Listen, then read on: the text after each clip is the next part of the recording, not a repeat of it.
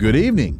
Welcome to the Critical Hour. We're coming to you from the capital of the United States of America, Washington, D.C., here on Radio Sputnik. I'm your host, political scientist, author, and nationally syndicated columnist, Dr. Wilmer Leon, joined here by my co host, political analyst, Garland Nixon. Thank you, Wilmer. For the next two hours, we will explore and analyze the salient news stories that are impacting the global village in which we live.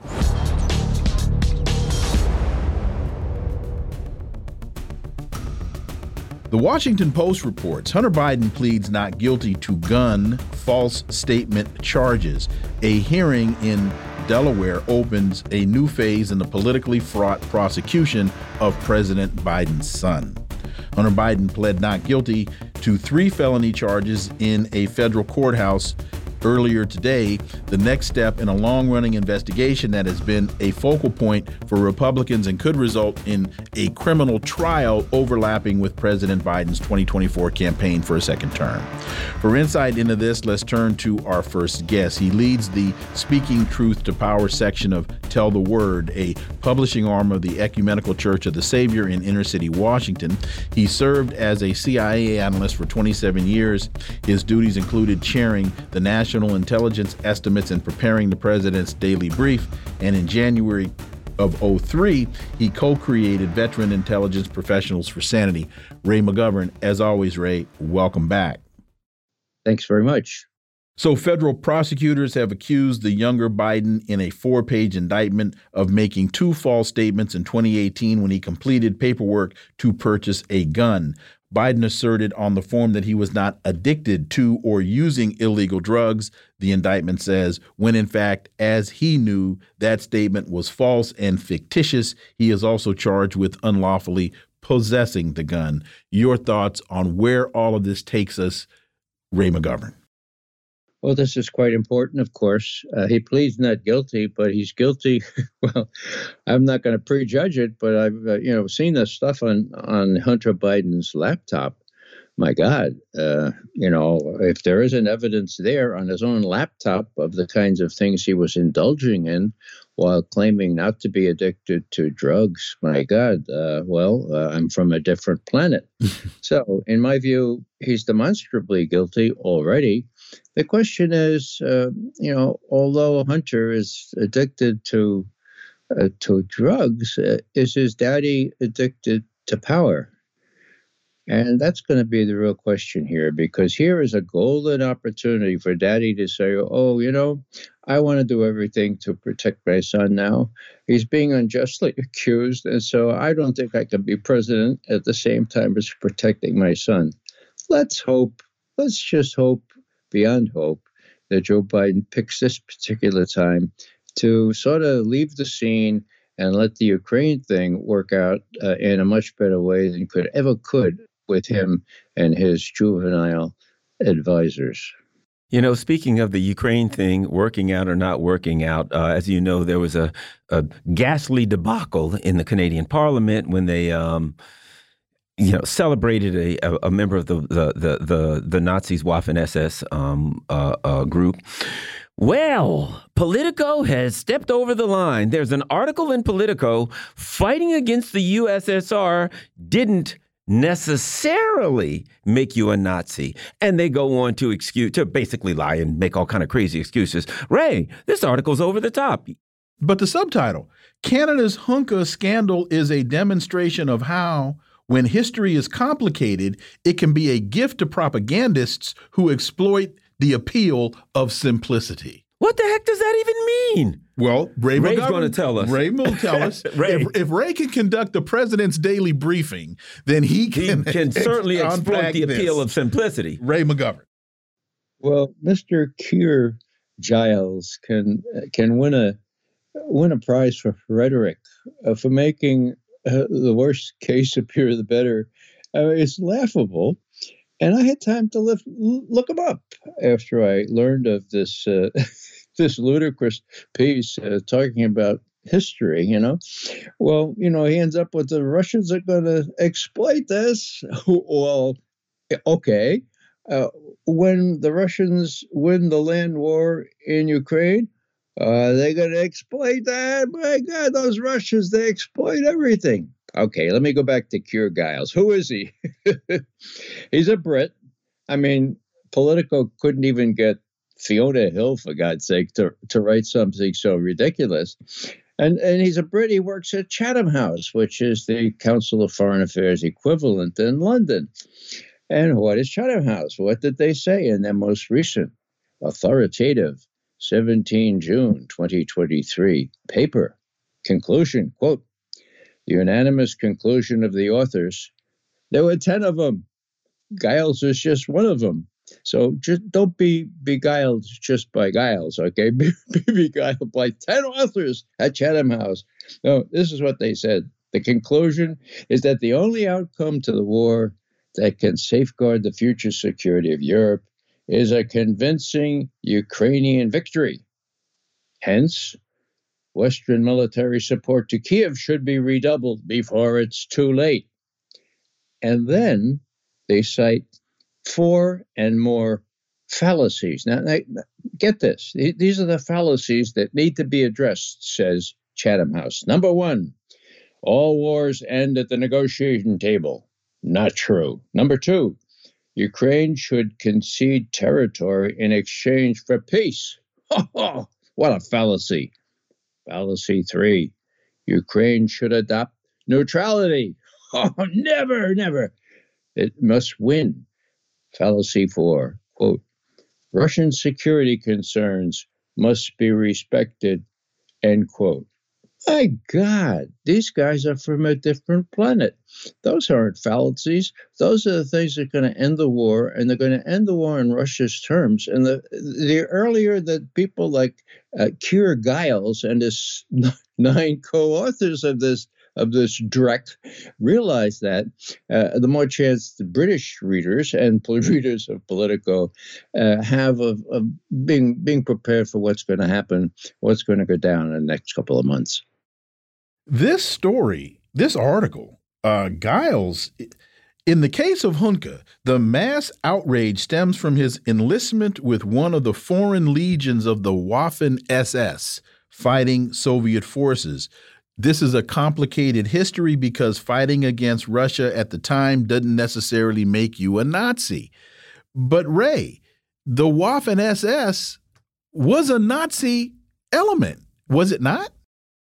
Of course it was. Yeah, it was a specialized group, and they're responsible for killing hundreds of thousands.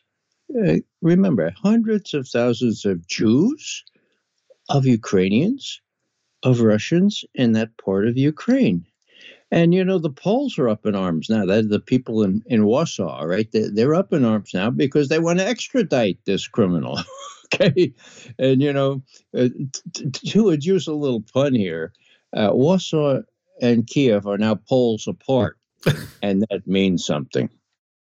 What's interesting is the way that he ends it, and he basically says it's true that Hunka should never have been invited into Canada's House of Commons. But that's not because he himself might be guilty of any crime. So, ah, so he killed a couple hundred thousand Jews and some Poles. Ah, that's no reason to not bring the guy in, Ray. And he goes on to say, rightly or wrongly, on an issue so toxic, it was inevitable. The invitation would provide a golden opportunity for Russian propaganda. So it wasn't that he might have committed genocide. You can honor genocidal maniacs as long as you don't, you know, give the, these crazy Russian propagandists like us the opportunity to say, "Hey, that guy's a genocidal maniac." Ray. Yeah, well, giving fodder to uh, Russian propaganda is the, the, the supreme offense. And, uh, you know, uh, when the Ukrainians fold before Russian forces in Ukraine, when the Ukrainians ran out of run out of their last man, man, that's going to be such a fillip, such an encouragement to Russian propaganda. We have to be beware because we have to look under that propaganda and see what's really going on, and you're not going to find that out from Politico. RT reports no weapons left for Ukraine in Europe. Kiev wants self sufficiency as arms supplies dwindle, but will need billions in Western aid to fund it. Ray, I don't understand. When I heard that Zelensky was talking about having arms manufacturers start making arms in Ukraine. I said, "Oh, so all you really want to do is put a target on your country and have those facilities bombed off the map." This makes no once again, Ray. This makes no sense. Well, it's it's delusional. Um, the the main thing, the main lesson to be drawn here, is that NATO and the U.S. have no more shells mm -hmm. for the basic 155 millimeter projectiles that use tanks, howitzers, artillery. Why is that?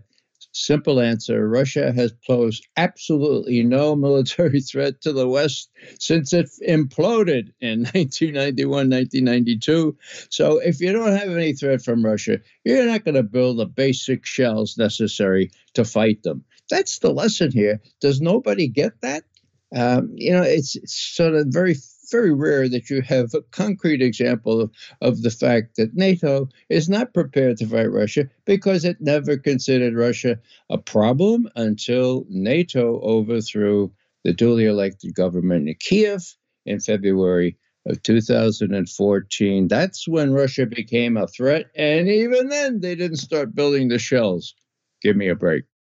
Well, and you could take it to the other end, Ray. Post Ukraine war. They wouldn't be giving Ukraine all of their stuff if, as they say, if Russia defeats Ukraine, he's coming for all of us next. Well, if they really believe that, they wouldn't give Ukraine all of their stuff and leave themselves unarmed so that Russia can just roll right on over them to the to the English Channel. Clearly, they don't see that there's a threat or they wouldn't have voluntarily demilitarized themselves. Right. Well, I couldn't say it better. I couldn't say it better, Garland. You know, when you think these things through, even Americans sodden with propaganda should be able to realize that if Russia was a real threat, we had the we would have the rudimentary shells for our artillery and our tanks to face that threat. I trained on those damn 155 millimeter howitzers and 105 artillery pieces. They're basic. So when they when there was no threat from Russia, they didn't start building them. And there's a lot more money in building sophisticated aircraft that sometimes get lost in North Carolina and sometimes don't work, namely the F 35, because those cost almost $2 million, almost $200 million a piece. A lot more money in that than those rudimentary 155 millimeter shells. Is it too simplistic, Ray, for me to say that at the beginning of all of this, the Bidens and the Blinkens and the Sullivans of the world, they thought they were going to engage in a war of rhetoric. And Russia decided, no, I'm not, we're, we're you're not taking my demands seriously. I have to protect my interests. And the war of rhetoric has now become a real armed conflict. You're right, uh, Wilmer. Uh, Russia considers the encroachment of NATO, including medium range ballistic missiles in Poland and Romania, already there, in, the emplacements already there. They consider it an existential threat. And these uh, fancy fellows from the best schools were so arrogant and so thinking that they're exceptional and indispensable that they didn't realize that they have to take Russia's security concerns into account. And they didn't. And they thumbed their nose at Russia. They diddled it on the Minsk Accords. And finally, the Russians said, well, there's no other way to do this. And I will repeat Putin had very little other chance to, to do what he needed to do, in his view, to protect his country, which, after all, is the president's first duty. Ray McGovern, as always, thank you so much for your time. Greatly, greatly appreciate that analysis, and we look forward to having you back. Thanks very much. Folks, you're listening to the Critical Hour on Radio Sputnik. I'm Wilmer Leon. I'm joined here by my co host, Garland Nixon. There's more on the other side. Stay tuned.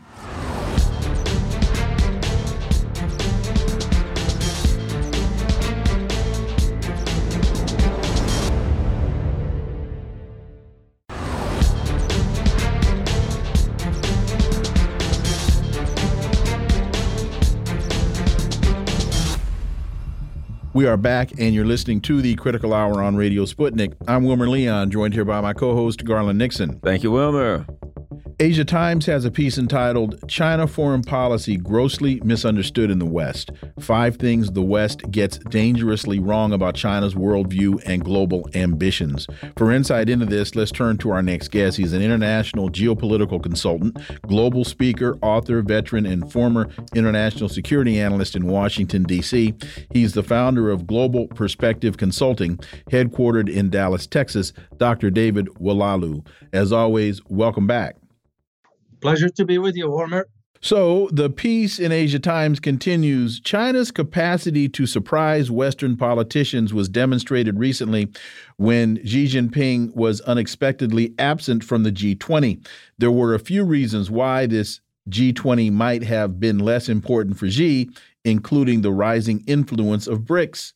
But often, Western reactions to a Chinese decision can come from a lack of understanding of Beijing's motivations. Your thoughts, David Oualaalou.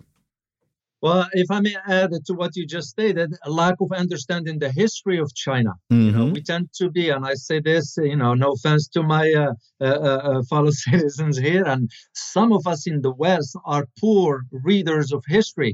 And if we are to understand the history of China, we will have a better grasp as to how its history is influencing its foreign policy decisions. So, in the case that you mentioned about, for example, based on the piece that mentions the absence of President Xi, I wasn't surprised. In fact, that because to President Xi, I am certain that probably his advisors were saying, like, why bother with G20 when he couldn't even half of it are allies of the U.S. We all know this is the thinking. Uh, uh, uh I'm I'm thinking uh, as they speak per se, uh, and they're saying we know that the final communique of the BRICS uh, of the G20 rather, it's going to be focused on condemning Russia and all that, and the G20 wasn't a forum for that. G20 was about economics. So to China, the thinking was, why even bother?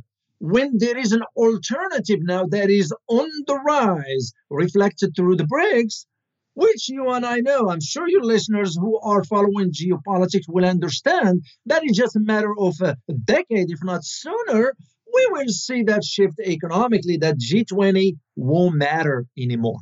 And this is one of the reasons why President Xi's decision was why bother? Why waste my time? You know, just quickly to your history point, it's one thing for a nation that has a thou has thousands of years of history to compare with a country that has what 236 years of history. Your worldview will be a lot different. Well, for sure, uh, uh, for sure, Wilmer. I mean, I just when I travel to Europe and I walk through the streets in, uh, be it Vienna or or or Italy or even Germany or Poland, whatever. What I see is I see the history, and I'm like, wow, you're looking at a centuries and centuries and centuries of history. We don't, we don't have that. 240 years. It's not enough when it comes down to understanding uh, especially in the case of China, a 5,000 year history. I mean, this is one thing that we are unable to really have sort of. Uh, and, and, and by, by no means, there are some uh, Chinese history experts in the United States. I know one of them is Dr. Ken Hammond. He's a friend, and, and he is a Chinese history specialist. But you will think that our government will reach out to him as far as understanding. No, to them, it's like, no, he doesn't know much about politics and so forth. But uh, it's unfortunate. It's unfortunate. One of the sentences, I think, in, in this article, they talk about China's role in the world order, and it says, however, while you know they they they, they uh, say that the U.S. is pushing the argument that China is a revisionist power, and they say while China misses, uh, wishes to amend amend certain areas of the post Cold War system, most notably it being centered around the U.S. and liberal values, it does not wish to fully overturn the whole system. And that's the particular part that Tony Blinken and the neocons are concerned about. The reality is that the neocons discuss China as though they're having an intellectual discussion, when really they're knuckle draggers. They're looking at China saying, You're trying to threaten us, and we're going to beat you over the head with a club to stop you from doing it. They use coercion. They talk intellectually, they act coercively. Your thoughts? Well, spot on, Garland. And if I may add a name to that list you mentioned, I'll add Condoleezza Rice. Uh, and I'm sure you heard about uh, her speech on Twitter that was posted as to how pointing fingers at China well, because we the system, and I quote here, the system cannot afford China. Well, wait a minute, you know. It's because we are not willing to accept the reality that the geopolitical landscape has shifted, that the world order has shifted from a, a unipolar to a multipolar. You look at just with the recent Syrian president to, to, to China how he was welcomed, and also the statement by the presidency that he's now willing to rebuild the war torn country. So, uh, I mean, eh, that's just one example. And this is something Washington is having a hard time accepting. And, and, it's just throughout history, if we are to understand how history unfolds, we always notice that when a rise in power, challenging and, and sitting power, the sitting power does not like that. And this is exactly where we are.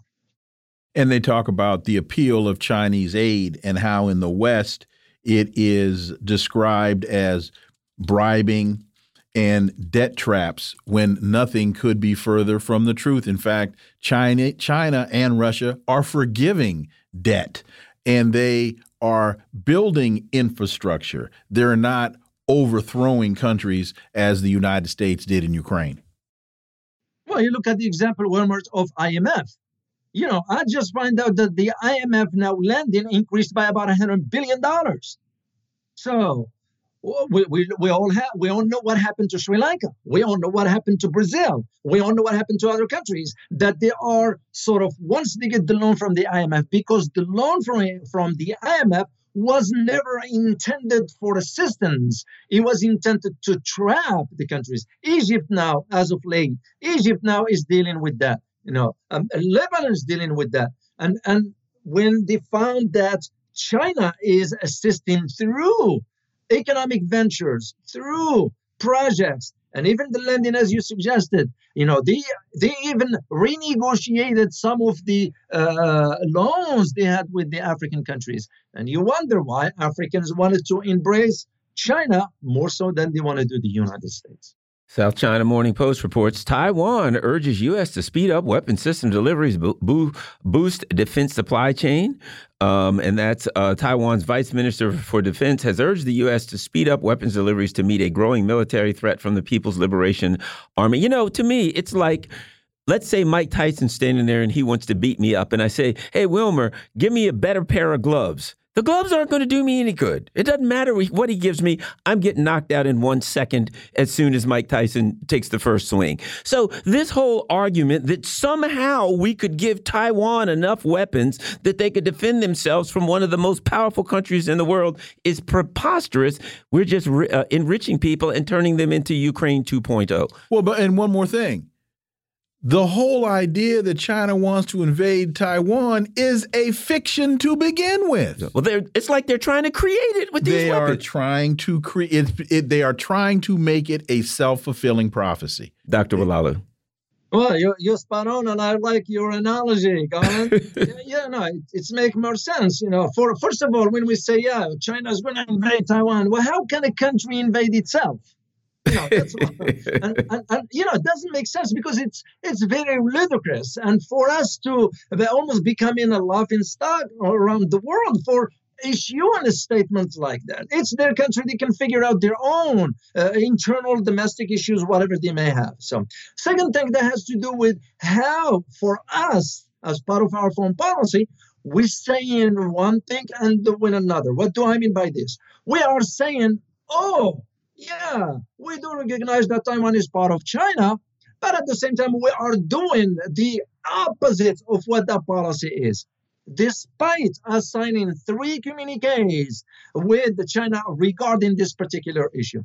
And what makes it even worse is the recent approval uh, by the United States government or Congress, that is, the first ever military aid to Taiwan through a program specifically that is intended for sovereign nations. So if we are to think of Taiwan as a sovereign nation, it is not the case because Taiwan is not a sovereign nation, first of all, is a part of China, and third, it does not have any representations in the UN. So the US is breaking all the rules pertaining to how the uh, international protocol, when it comes down to dealing with other countries, by saying, no, no, no, no, we're going to give the aid, which was about $80 million just last, uh, I think, about last uh, three or four weeks. And we all know about the trips of the former speaker and uh, all the way to Taiwan. We all know all this is nothing but to foment more tensions in that part of the world.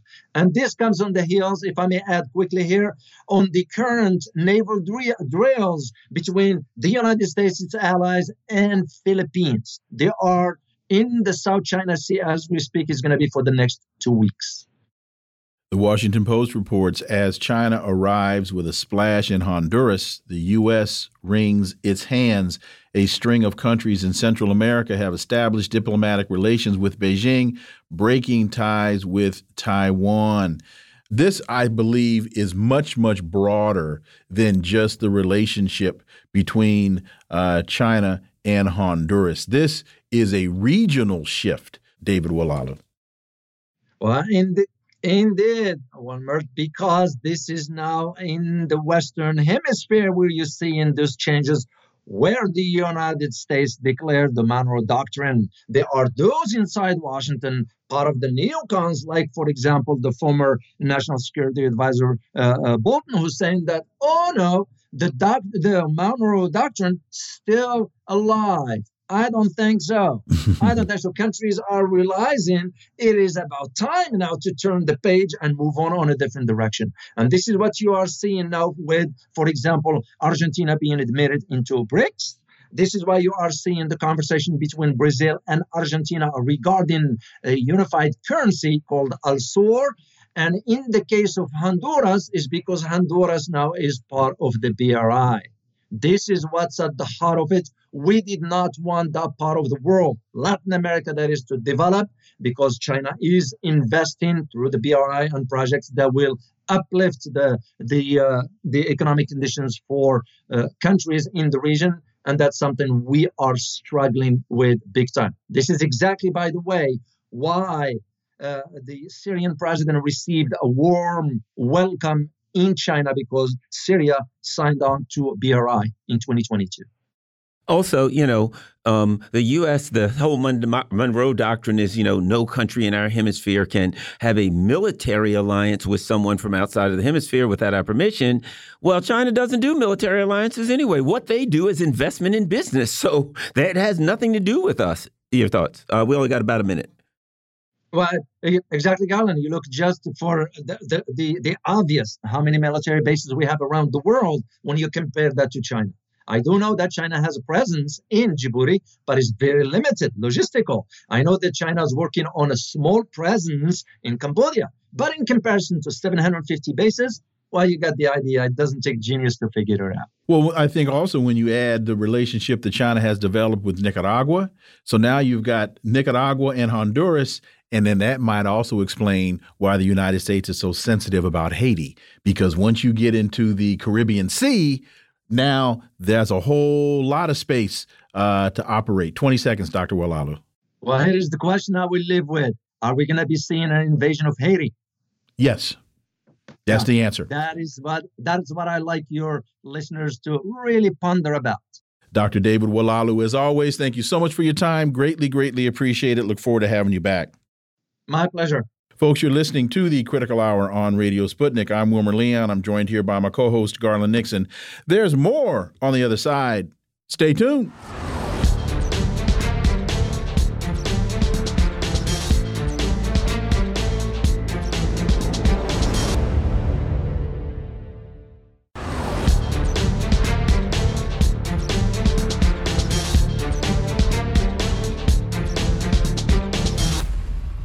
We are back, and you're listening to the Critical Hour on Radio Sputnik. I'm Wilmer Leon, joined here by my co host, Garland Nixon. Thank you, Wilmer. There is a piece in the Leiden Journal of International Law entitled The Choice Before Us International Law or a Rules Based International Order. It's written by John Dugard. On the 2nd of June of last year, President Biden published an op ed in the New York Times titled, How the U.S. is Willing to Help Ukraine, in which he declared that Russia Russia's action in Ukraine, quote, could mark the end of the rules based international order and open the door to aggression elsewhere with catastrophic consequences the world over, end quote. It's interesting how so many other countries don't seem to be as concerned about this projection by President Biden as he and Tony Blinken are. For insight into this, let's turn to our next guest. He's an independent investigative journalist and author of three books The Frozen Republic, The Velvet Coup, and America's Undeclared War. Daniel Lazare, As always, Dan, welcome back. Thanks for having me. So Dugard continues there's no mention of international law. Later, in a press conference in the at the conclusion of the June 20, uh, 2022 NATO summit meeting in Madrid, he warned both Russia and China that the democracies of the world would defend the rules based order. Again, there's no mention of international law. Daniel Lazare, as we now sit here in 2023 and we have a ability to reflect on how we got to where we are, your thoughts on this piece? Well, it's a very good piece. It's a very good piece. I mean, international law is really fascinating. I mean, it's literally thousands of years old. Uh, when the you know when, when the first king you know decided to to make a treaty with a with a, another king, uh, you know he he they hammered out an accord, and that accord became part of the legal you know you know body of either kingdom. Uh, and since then, you know, treaties have multiplied, and uh, nations have developed a certain kind of body of rules. They develop these together uh, to govern how they interact, you know, what ob- obligations they owe to one another, et cetera, et cetera. Now, what the rules based order is very different. It's not international law, it's simply rules that the Biden administration hands down, which it regards as self evident, but Whereas international law is created historically and collectively, the rules based order is simply imposed by the US. And this is very obviously this is this couldn't be more dangerous. This is a you know this is an, an, an imposition of a of an international fiat by the leading economic and military power in the world. It's you know it's taking off the gloves and it's and it's telling the rest of the world how it's going to be. But people, you know, the, the globe can't go down this road because it can't agree to to be subservient to a country that represents less than 5% of the global population. It's flagrantly undemocratic. And and there's a, some great ironies here because it's flagrantly undemocratic, but the people who push it, the Blinkens, the Bidens, the neocons, make the argument that they're standing for democracy, that they're standing for like internal democracies within countries, but not an international democracy where people get to decide the the, the order. Like it's not an organic order where everybody says, "Hey, this is a good idea." It is imposed using coercion, violence. Uh, etc., on uh, uh, particularly the weaker the weaker nations. And with the the other the counter to that is Garland. The other side of that is when you listen to or when you read President Xi's speeches, they he's talking about cooperation. He's talking about sovereignty. He's talking about independence. When you read President Putin's speeches and he, look at who they're meeting with. They're talking about sovereignty. So you look at the difference between the actions and the words, Dan Lazare. Yeah, but what's important is that in in, in casting aside international law and substituting the rules-based order for it, I mean, what Biden is doing is he's declaring his ability to violate international law at will. Mm -hmm. He's saying America is exempt. International law is for you guys. We have our own rules, which we now expect you to obey. If you want to obey international law among yourselves, feel free to do so. But you must obey our laws. It's it's completely bonkers. And This article really points this out very well. And the US violates international law all over the place. The invasion of Iraq, uh, its uh, its tolerance of uh, of of um, of pogroms, anti-Palestinian pogroms in Israel and the occupied territory. Uh, the U.S. simply, just like you know, simply chooses which laws it's willing to obey and ignores the rest. This is intolerable. And a lot of the action taken by the United States, in, in at least under this administration, is uh, justified by fighting authoritarianism. Xi is an authoritarian. Putin's an authoritarian. Maduro is an authoritarian. But Biden's tactics are authoritarian. Dan Lazare. Uh, yes, and that and that and they're and they're therefore contagious because they, they they they they they lead others other nations to conclude that they can behave just in just as authoritarian manner as the U.S. is doing. But yeah, but the invasion of Iraq was a flagrant violation of international law. The uh, the the uh, NATO's air intervention uh, intervention in, in, Libya was a flagrant violation of international law. Uh, the assault, the, the, the years long assault that the U.S. and Britain and France waged against Syria from 2012 on, that was a flagrant violation of international law. I mean, if anyone had done this to the U.S., the U.S. would be, you know, would be going crazy. So, uh, so, um, so, so yeah, but the, but the U.S. essentially claims that it is exempt from these laws. I mean, Biden is going around describing America as the uh, as the uh, the essential country, and this what that means is that it's essentially above the law. Interesting sentence. It says a lot. The indeterminate and undefined nature of the rules based order and the failure to consider their relationship with international law. Stop right there. You start off by saying that they're indeterminate and undefined, right? And then you say, and the failure to consider their relationship. The truth is, there's there nothing no, to there's consider. No there's no relationship. The, the, the, reality is also is this: when we use the term rules-based order, what are we really talking about? There is no place you can find it. There's no website. It's not written anywhere. It is nothing but a term. It's a euphemism. Rules-based order. Well, how does that compare again? There is nothing to compare. It simply means we are the, the, the, this is the way I understand it. There is a hierarchy in the world, and the United States isn't even part of the hierarchy. It's above the hierarchy, so it doesn't have to adhere to the rules-based order. Means there are no rules for the United States. Only other, only its uh, you know secondary members. Your thoughts?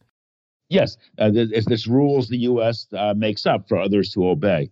But the fact that nobody is considering, you know, the the the relationship between the uh, rules-based order and international law means they're afraid to. Mm-hmm. They're afraid. They're afraid to question too closely because the U.S. won't like it. So you know, so they they all defer to the U.S. and they and it's a it's a dictatorship really that the U.S. is imposing on the globe. Well, that applies to the so-called U.S. allies because we know that the the BRICS nations aren't subscribing to that, and and so many other uh, organiz um, international organizations and countries that are joining these international organizations are now no longer subscribing to that mindset. Yes, because the because this dictatorship is so ridiculous, and and even the U.S. lacks the power to impose it all over the world that people people are rebelling. But it, it's it's crazy, and and yes, BRICS is uh, is um is not going along with it, but but NATO is. And and this this is why Germany hasn't even said a peep over over Joe Biden's destruction of Nord Stream. Well, and that's what I and and so that's why I said the U.S. allies, and I should have added or its vassals. Go ahead. But the U.S. apparently the U.S. can go go around blowing up energy facilities in other countries belonging to other countries, and apparently that's okay because the rules based order says so. Or doesn't say so because it doesn't really say anything. you know what I mean? Hey, I've got the rules based order. How you got a blank piece of paper? Yeah, exactly. I'll write it. Out. We write it from day to day as we have to do as as we decide what what we're going to do. But the thing about it, Dan, that's, is that's that's Hank Paulson's uh, recovery plan during the uh, yeah 2008 exactly yeah yeah, yeah. so so uh, here's the thing as once say Russia and China and India, once other countries arise that are economically and militarily powerful enough to do what they want, it automatically goes away. It only exists because you can force other people to do what no, you want them to do. Doesn't automatically go away. Well, no, I, well, well, I would say it, it does, but the U.S. is struggling try to try to hold on to something that's already dead. That's why we're on the verge of World War III. Right, Dan, Dan Lazare. I, I, I, I, totally agree. I mean, I mean, yes. I mean, the uh, the, the U.S. does not. Ha- the U.S. is trying to impose diktat on the world, but it doesn't have the power to do so, and and large portions of the world realize this full well. So therefore, you know, the BRICS countries are are are saying, you know, are casting this whole effort off, uh, but NATO is still going along with it, uh, and it's it's crazy. Uh, but it really is a sign of desperation on the part of the, the Biden uh, administration. I mean, uh, Biden now recognizes that the that, that that international law is not going its way. So it's so therefore he is casting it off, and he is essentially now trying to rule by diktat. But it's just not going to work. The U.S. doesn't have the ability to enforce its rules based order but Sun Tzu said the evil enemy will burn his own nation to the ground to rule over the ashes. So the U.S. can impose a world ending consequence for not going along with it, but it doesn't have the ability to see to it that it does. Does that make sense, Dan?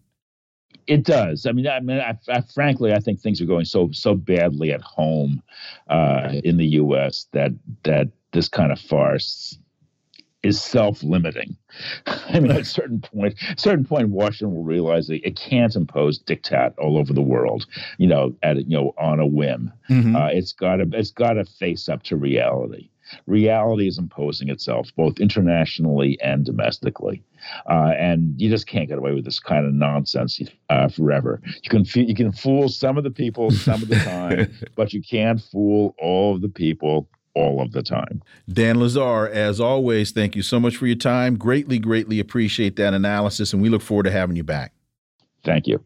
Folks, you're listening to the Critical Hour on Radio Sputnik. I'm Wilmer Leon. I'm joined here by my co host, Garland Nixon. There's more on the other side. Stay tuned.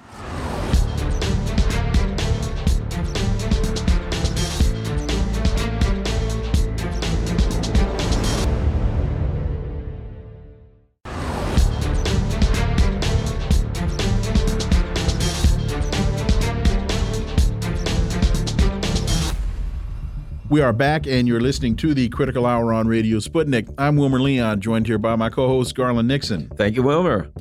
The Washington Post reports in historic move, Gaetz files motion to oust McCarthy as House Speaker. Representative Matt Gaetz introduced a resolution yesterday evening to remove Speaker McCarthy from his leadership position, triggering an expected intra party clash and setting up a showdown for the House to decide whether to depose McCarthy within 48 hours.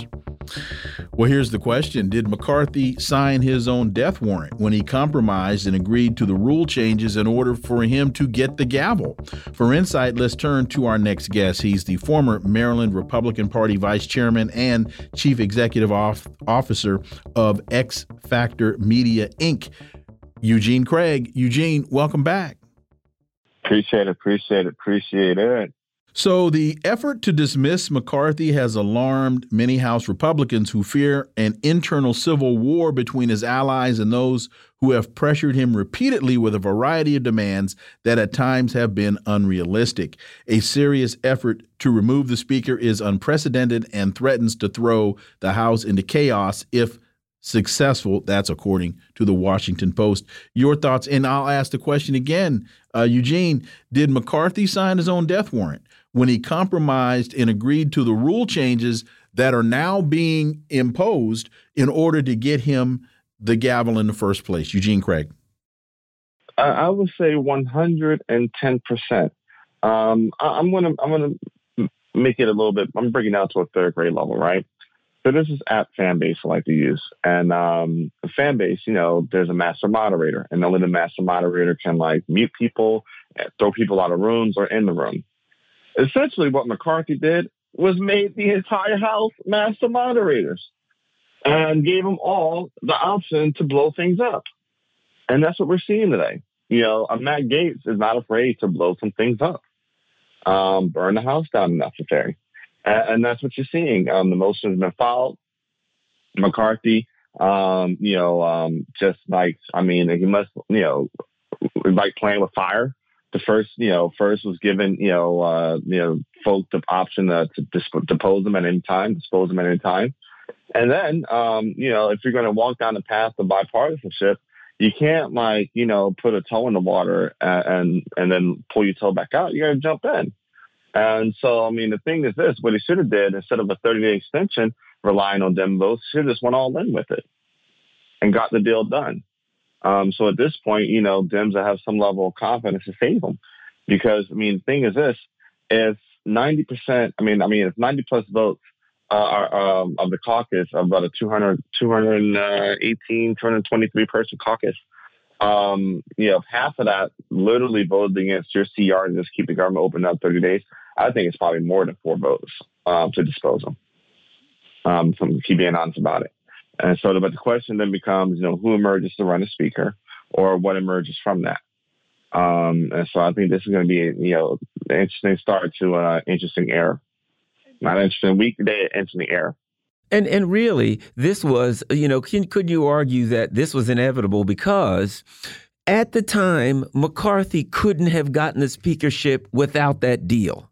So since he couldn't have gotten the spe speakership without the deal, when he signed the deal, it was inevitable that as soon as something major came up, that there was a major confrontation, they were going to go for it. So this was kind of baked into the cake. It was just a matter of when, not if, this was going to happen. Eugene. Oh, you're you're absolutely right. It was it was definitely definitely baked into the cake. But and Eugene, tell me if I'm wrong.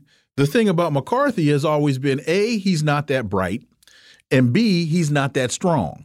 So and and remember, they what what did Eugene they went through 15 votes yeah. before they got before McCarthy got to this point.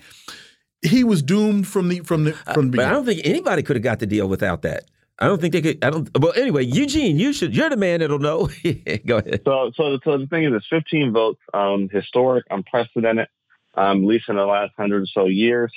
Um, and, and, guess what? I mean, that was within the caucus, right? So the fractures were already there. So it was a tightrope for jump.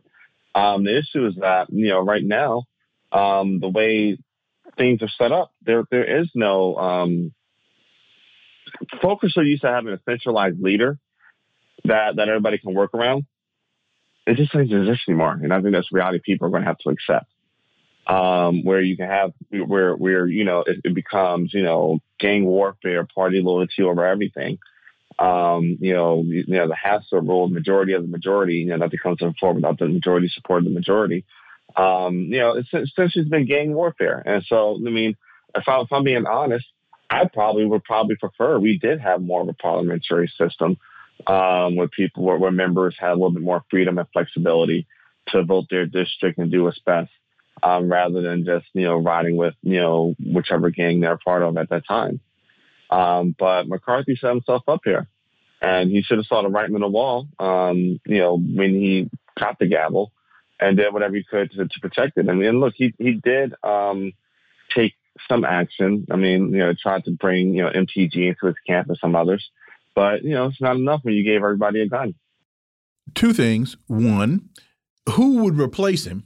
And I've read that that's one of the problems that the opposition has, those such as Gaetz, the problem they have with replacing McCarthy is they don't have anybody to replace him with. Is that a reality? And I thought McCarthy made a good argument last night in saying, I avoided a government shutdown. That's a good thing. What's your problem, Eugene Craig? Well, it's not a good thing to conservatives, right? Um, and those are the folks that drive the conversation. Those are the folks that drive the voters. Those are the folks that drive the small dollar donors. Those are the folks that drive, you know, action and activity and motion. Um, and those are the folks that McCarthy has essentially conceded everything to. So um, if those are the people that you're going to give power to to essentially drive your agenda, then um, you know those that's your audience, and he's not playing to his audience at this point. And what about the what about the question about having a, having a viable option to McCarthy right now? You got. I mean, that's the thing. You can't beat something with nothing. And so, I, but I do think that once McCarthy is deposed as Speaker, um, I think some viable some viable hmm. options would emerge. Now, I think the fight gets even more interesting because it then becomes, you know, there's no Paul Ryan right now where everybody can rally around. You know, when Boehner when Boehner you know resigned as Speaker, you know, Paul Ryan was kind of there as a person that everybody could like kind of rally around. There's no Paul Ryan there right now. You know, you know the the more you know reasonable conservatives aren't trusted by the hardliners. The hard, you know, the reasonable conservatives never vote for a hardliner. I mean, I'll throw something out there. I think probably the most reasonable, you know, path forward right now would either be a speaker that's not a current member, or you know, you get a couple you know, uh, moderate Republicans cross over and hand the gavel to Hakeem Jeffries and the power sharing agreement. But I do think that uh, because the caucus is structured the way it is and the members are who they are, um, you know, that's probably those options are probably more valuable than somebody emerging that everybody agrees on. And here's the thing: we're talking about the, the you know they can't get a speaker. Um, we're talking about McCarthy having so much trouble, 15 votes, all that kind of stuff. Okay, to me, that is an expression of the problem.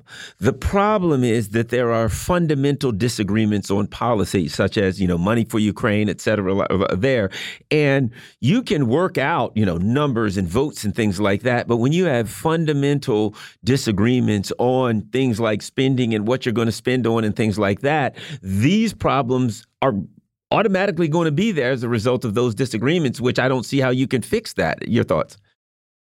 I agree. Um, I agree. Um, and and the thing is this: the only thing that can fix that is an election, and we won't have another one of those for at least another year, right? So, um, but I do think it sets up for the next election. Um, you know, I think that you're going to see some primary fights you might not have seen. Mm-hmm. Um, and I think that you'll see some, um, uh, you know, folk angling and emerging um, from from this rubble. You know, you'll see some leadership emerge, but the question then becomes, you know, which side does the, does the Republican base uh, uh, lean towards in this moment? There's an interesting op-ed in the in the Washington Post. More people of color are voting Republican. That's not all bad news. It's written by Perry Bacon Jr. People of color aren't voting against the Trump era Republicans as much as I hoped and once expected. Uh, Bacon writes. In fact, the Trump version of the party is getting more support from voters of color than the McCain Romney one ever did. That's disappointing in a big, obvious way some voters of color are helping the Republican Party remain electorally strong as it becomes increasingly radical and right wing. Uh, your thoughts? Well, I would say this: there are some Republicans that deserve votes of color, right? But then I also want to say that vote that voters of color has to be broken down a bit. You know, you know, um, you know, black voters are still voting at almost a ninety percent clip for Democrats, mm-hmm. rightfully so, right? I'm not one of those Republicans. Say, oh my God, lead a plantation. No, if Republicans come make an argument for black voters and black voters consider it, black voters are some of the most astute voters in this country, um, and you know do vote their interests. Um, and the tiny fraction don't speak for the overwhelming majority, that nine, almost ninety percent plus clip that vote, vote Democrat and rightfully so, right? Now, when you talk voters of color, you know, it's so all encompassing. Now you're talking Hispanic, you're talking Asian voters, um, you know, and, and, and others. Um, you know, Hispanic voters, you know, you know, depending on you know, a lot of different factors, they can go either way. You know, Hispanic voters of Dominican and Puerto Rican descent typically vote Democrat. Cubans in Miami very well may vote Republican. You know, second generation uh, Mexican you know, voters very well may vote Republican. First may vote Democrat. Um, but to say Trump is just getting this overwhelming voter of color, I think that has to be um, uh, uh, broken down a little bit. because because because even then, right? you know, it's marginally better, right? The argument is that it's better than McCain, it's better than you know Bush or you know Rom- McCain and Romney. Um, but you know, it's still you know still losing them by pretty big margin. There's another uh, very interesting piece in Common Dreams. Shifting 2024 strategy further reveals RFK Jr. is no friend to progressives. It's unclear that Kennedy's strategy, what Kennedy's strategy is. What is clear is that his campaign may end up helping the neo-fascist Republicans win in 2024. Your thoughts, Eugene Craig? I mean, look, um, I think RFK Jr. Um, you know, he's no real, he's no progressive, no Democrat, uh, Democrat, Democrat in name only. Um, you know, his base of votes literally it's just like anti-vaxxers that ordinarily probably would have voted for Trump. I said, let him, let him run. Let him go ahead and run as independent. He'll pull votes away from Trump and help Biden and prevent the Trump presidency. That's interesting that you say he would pull voters away from Trump because the the common narrative is, oh, He'll pull. he'd pull votes away from Biden. Yeah, and, and, there are a lot of people like me that think he's a guy. There are a lot of uh, conservatives that followed him and supported him as a result of all of the uh, the COVID stuff. There's a lot of left leaning people I know who he's a Kennedy and um, he's anti, anti-war, yeah, anti-war kind of stuff. I personally think. What do you think about this, Eugene? He'd pull from both enough that it would kind of cancel out. But what? let me add one thing. But maybe nobody gets 271 then, and the House chooses. Well, if the if the House chooses and blocks, um, that gets interesting because um, then you're looking at you know um, what some of the the makeup of some of these congressional delegations look like, right? Um, but I will say this: I, I, don't think I don't think it cancels out that much. Um, you know, I don't think the anti-war vote is what it was, let's say, circa 2008. But I do think the anti-vaccine vote is raging at all-time high, and it's also being funded by major GOP donors. So um, that that whole movement per se. So I, I, I, do think that you know he probably does hurt Trump more than he helps than he hurts Biden. Um, but you know, my my issue is that you know, and granted, national polls don't really matter to me because we don't have national elections; we have state by state elections. But in national polling, Green Party's polling five percent, which very well will hurt Biden.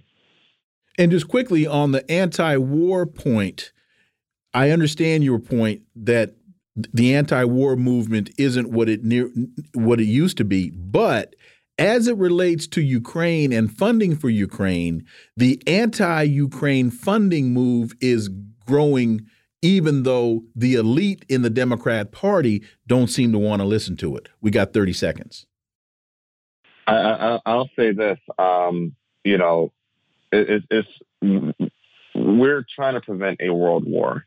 And mm -hmm. if mm-hmm. that means, you know, give, giving Ukraine all the support in the world to keep Russia right there, I'm 100% for it.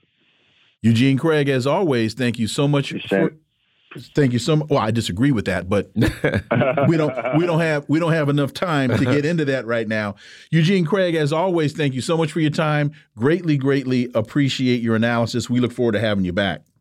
Appreciate it. Likewise. Talk to you soon. Folks, you're listening to the Critical Hour on Radio Sputnik. I'm Wilmer Leon and joined here by my co host, Garland Nixon. There's another hour on the other side. Stay tuned.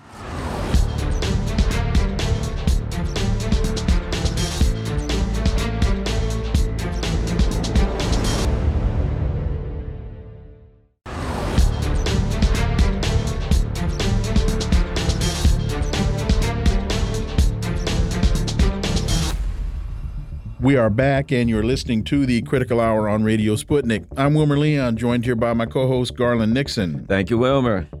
Orinoco Tribune reports files expose Syrian revolution, quote unquote, as Western regime change operation.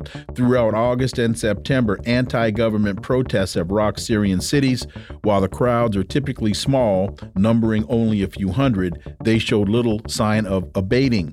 Demonstrators are motivated by increasingly unlivable economic conditions spurred by crippling U.S. led international sanctions against Damascus. For insight into this, let's turn to our next guest. He's an award winning broadcaster and journalist based in Beirut, Lebanon, Laith Marouf. As always, Laith, welcome back. Thank you for having me. So, these uh, sanctions have pro pro uh, produced hyperinflation, mass food insecurity, and many daily hardships for the population.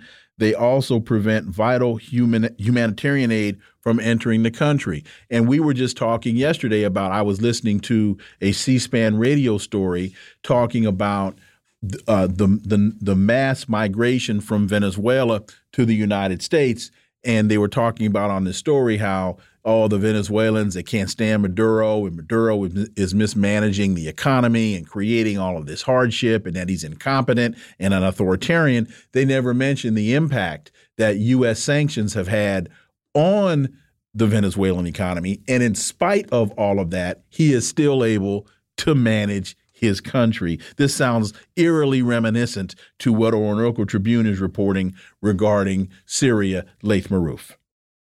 You're definitely right. And of course, Syria was under sanctions since the 60s uh, by the West, uh, the United States, and uh, was able to manage uh, to be self sustainable on all its uh, agricultural and medium and small and even some heavy industries as well as military advancements. And the people were some of the healthiest and most educated in uh, all of uh, Western Asia and uh, North Africa uh, before this, uh, you know, plotted war was started on this country. And uh, of course, the Orinoco Tribune article talks about the uh, documents that were leaked, uh, hundreds of documents from within supposedly the Syrian government. And, and those documents show us that in 2011, uh, all these armed groups were attacking uh, police uh, positions before uh, anything as a, a, a returned fire from these positions, and also that the government of Syria was telling all its forces not to um, deal with uh, live ammunition when they're dealing with the uh, unarmed uh, demonstrators.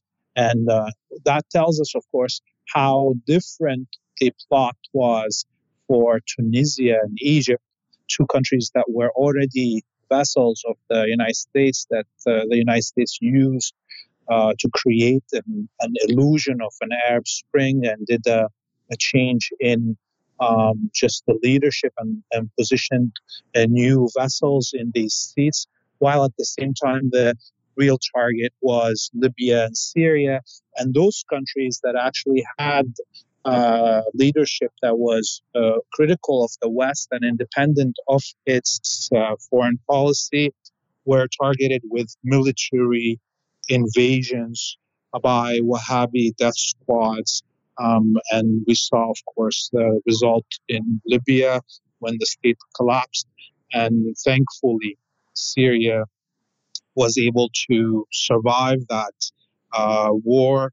Um, and now, clearly, the United States is using an, an economic uh, war and an occupation of the most uh, important resources, the oil, gas, and wheat. Um, that's why now Syria is in this position where uh, we are at the uh, we see demonstrations uh, happening in the south of uh, in the Sueda province and the clashes happening in uh, the northeast between um, the Arab indigenous population and the Kurdish militias that were imported by the United States. So, when Al Mayadeen reports that Israel strikes Syrian army in Deir ez-Zor amid SDF Arab tribes clashes, it seems to me that what Israel's doing is just a continuation of what the West, of what the U.S. empire was doing. That basically that regime change, change operation never stopped, and since they didn't aren't weren't successful in regime change, they're just continuing to attack. Laith. Yes, and you see the Israelis right now are uh, doing the job that the United States wants to do, which, uh, as we see on the ground in uh, Deir ez-Zor and Hasaka and Raqqa, uh, those three provinces, the clashes between the indigenous population and the uh, Kurdish uh, militias that are losing ground. Uh, and the United States didn't want to be the one that is bombing the indigenous population.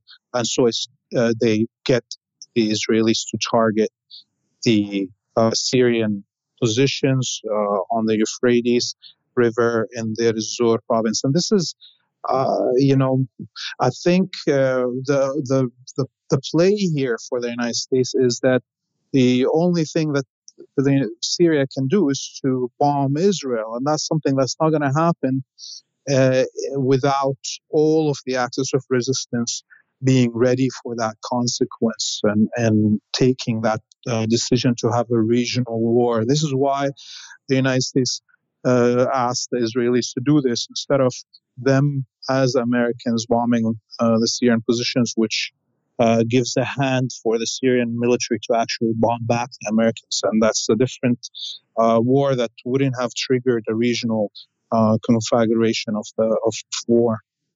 There's another piece in or Orinoco Tribune. Saudi Arabia is trying to pacify Palestinians while opening the gates of normalization with Israel. Just days after Saudi Crown Prince bin Salman gave an interview about ongoing talks with Israel, it appears that the door to normalization is now wide open. At the same time, that the Saudi ambassador to the Palestinian Authority, uh, Naif al Sudairi, arrived in the Palestinian territories to quote unquote reassure the Palestinians about the kingdom's position on Palestinian rights. So, Laith, I would think that the that who in their right mind would think that the Palestinians will accept platitudes and promises. The, the Saudis seem to be in a great position of leverage to force some movement on this issue, either with direct pressure on the Zionists or direct pressure on the U.S. or both. But they're just sending an emissary in to say, be patient, we'll get to you when we get to you? Laith Marouf. Yeah, and, and just yesterday, the Minister of Tourism of the Zionist colony arrived in, in Saudi for a tourism conference. Um, and uh, today he tweeted uh, a video of him and his uh, Israeli delegation, um, um, do, you know, doing uh, religious uh, uh, practices of, uh, for the Jewish holidays in their hotel room. Um, so this is, you know, at the same time as we're expecting supposedly the Palestinians to be benefiting from this. Look, the the Saudis will not uh, do anything that uh, is beneficial to the Palestinians. They don't want any um, um, free Arabs in general, not only Palestinians, uh, that could speak against their terrorist regime uh, and the Wahhabi cult uh, that they have fostered for the last 80 years on behalf of the uh, British and the Americans, and that ruined the reputation of Islam and killed more Muslims than than uh, than any enemies of Islam.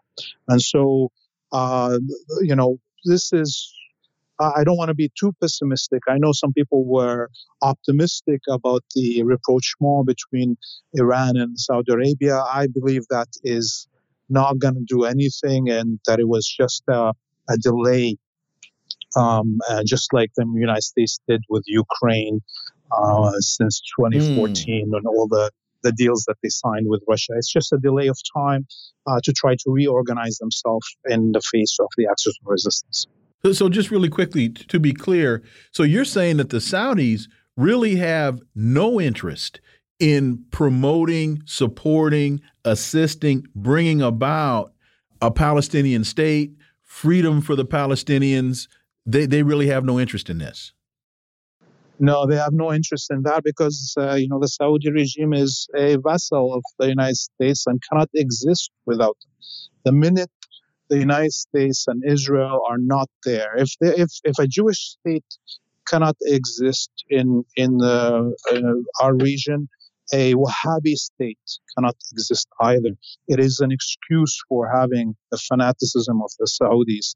Uh, the existence of Israel, number one. Number two, the minute uh, you know the Arab people in general, um, Palestinians in particular, receive their freedom, people in inside what is now called Saudi Arabia are will be calling for their own freedom, and that's not something that the Saudi regime can tolerate.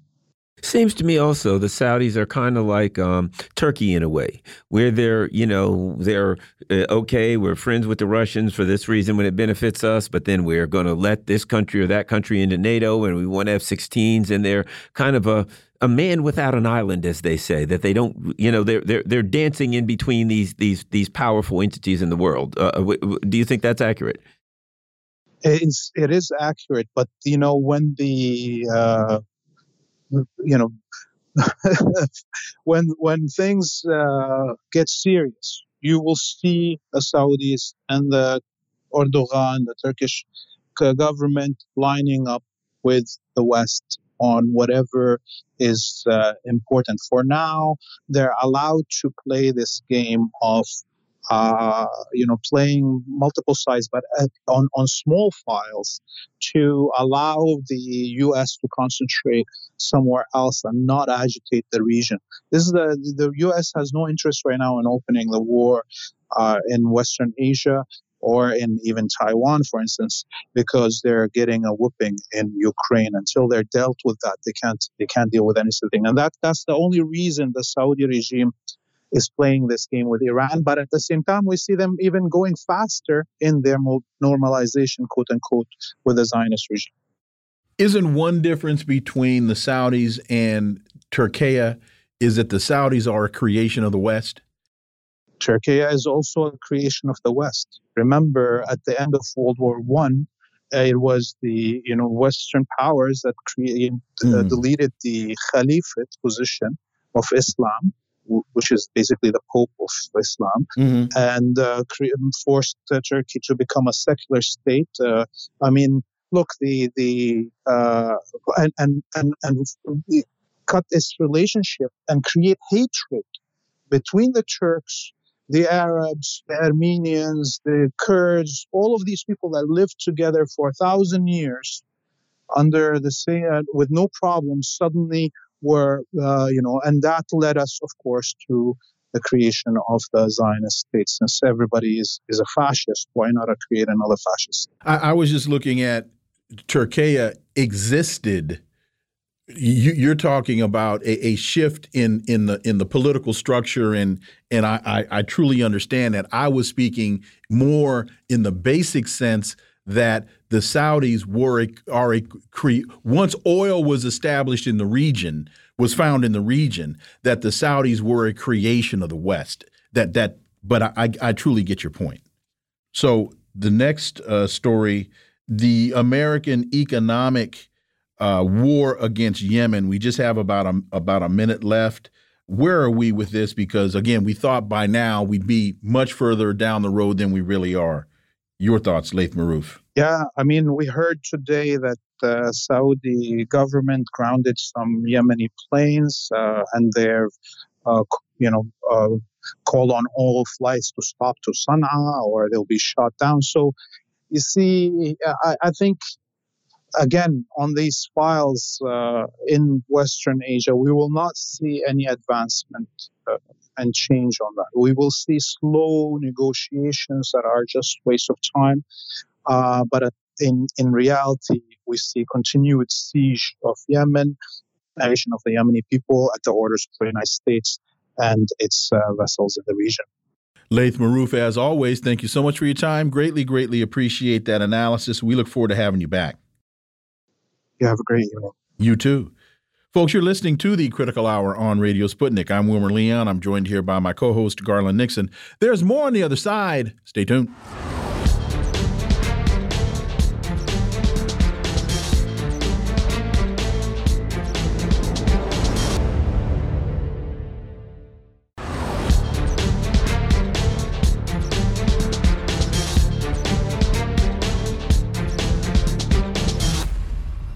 We are back, and you're listening to the Critical Hour on Radio Sputnik. I'm Wilmer Leon, joined here by my co host, Garland Nixon. Thank you, Wilmer. Naked Capitalism has a piece entitled Happy Talk About U.S. Slowdown, a Recession Warning as China Growth Also Weakening. Bloomberg is now warning a recession could hit as early as the fourth quarter, and one of the warning signs is one we've been calling out too much complacency. For insight into this, let's turn to our next guest. He's an associate professor of economics at the University of Missouri Kansas City and former president of the National Economics Association, Dr. Linwood Tauheed. As always, welcome back. Thank you. The piece continues in the U.S., as we pointed out early in the current tightening cycle, the Fed has assigned itself the job of tackling this inflation using the blunt instrument of interest rates to kill wage growth. Dr. Tauheed, we've discussed how the Fed has focused on the wrong tool to solve the problem, and then the piece continues. We had warned that the Fed would have to kill the economy in order to increase unemployment, which is how the Fed thinks it regulates overall prices. Dr. Tauheed. What's going on here? Because there's a huge disconnect between what we're being told about the economy on television and what's really happening at the gas pump, at the grocery store, at the daycare center. Dr. Linwood Tauheed. Uh, yes, uh, uh, Main Street is is uh, showing uh, that uh, is is seeing the signs of of a inflation continuing on in the things that are important in terms of oil and uh, auto, uh, you know, car prices and so forth. While while the Fed is looking for a slowdown in the labor market uh, to to be able to say that they've uh, they've done enough. Now, inflation needs to get down to two percent, and and we are about twice that now. But the unemployment rate is going up. Uh, it just went up uh, 0.3 points from 3.5 to 3.8 percent. Uh, and we are seeing other signs of, uh, of slowdown in the labor market. And so while, while wages are going up uh, less than inflation, in other words, real wages are going down, the Fed is looking at, at the unemployment rate, which, which according to their metric is not going up fast enough in order to kill the economy, to kill inflation. Uh, but but we also know, uh, as we said on this program for a while, that that most of this inflation is caused by two things: one, uh, still slowdown in supply, less supply, but also greedflation. The fact that corporations are raising their prices higher than their costs, which which also includes higher than labor costs, uh, which are stagnant. And, and so uh, the Fed is looking at the wrong thing. It's not. It's looking at a demand slowdown that it wants to push, instead of uh, attempting ways to increase supply, which the Fed has very very little um, ability to do. Right. So, uh, so as we see a slowdown, you know, this makes me think of something when you talk about what the people are seeing versus the traditional indicators. It reminds me of like listening to old people, parents and grandparents talk about the election, and there were a lot of black people that said, I mean, excuse me, the depression that literally said this: we were so poor we didn't know there was a depression. We were we were born, we lived it, you know, in the black community during the 1920s and 30s. We lived in the equivalency of a depression, so a depression didn't change all that much for me. I say that to say this. It sounds to me like part of what you're saying is that the everyday person is already to some extent in a recession. The everyday person is working like a dog, can't make ends meet, living in poverty. And when you technically say, well, the economic indicators now say it's a recession, they're going to be like, yawn. Yeah, tell me, tell me about it. Anyway, your thoughts, Dr. Tauheed. Yeah, well, one of the indicators that is that uh, is that there is a huge increase in credit debt. Uh, and uh, persons who have credit, who have uh, reasonable FICO scores, uh, can get credit at, at lower rates. But but if your FICO score is low, uh, you either can't get credit or you have to pay a lot uh, for credit. Uh, those are those are two different worlds.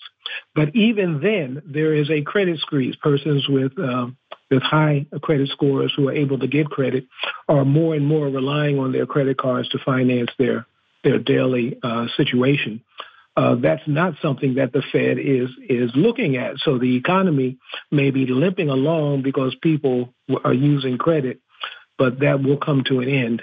Uh, for so some people, it never it never started, as you said. Isn't that credit issue part of the fuel that is that that is fueling the perception that the economy is doing well? Because with that, that means banks are doing well. Uh, yes, uh, it, it, it, fuels the perception among among the banks mm -hmm. and mm-hmm. among politicians who are who are um, you know have uh, huge donations from banks that that things are going well. Yeah, banks are are are uh, you know raking in uh, profits because of high interest rates on on credit card and high uses of credit cards, but but that's going to collapse. And and when that collapses, uh, then then everybody will be in the same boat. Right now, uh, the poor in a different boat uh, than than the very wealthy. but when when the banks collapse, then then everything will will, will will go to hell. Uh, speaking of such, Market Extra, Market Watch says soaring U.S. government bond yields sent shockwaves across global markets in September. Now yields have started October by pushing even higher, threatening to upend markets and the economy. Now, a simpleton like myself, I keep hearing there's problems in the bond market. There's trouble in the bond market, but I don't really understand what that means. I'm reading this bond yields. For those of of us who are laymen, explain to us in, in in a way that we can understand what's happening with the bond market and bond yields and why that's causing so many problems.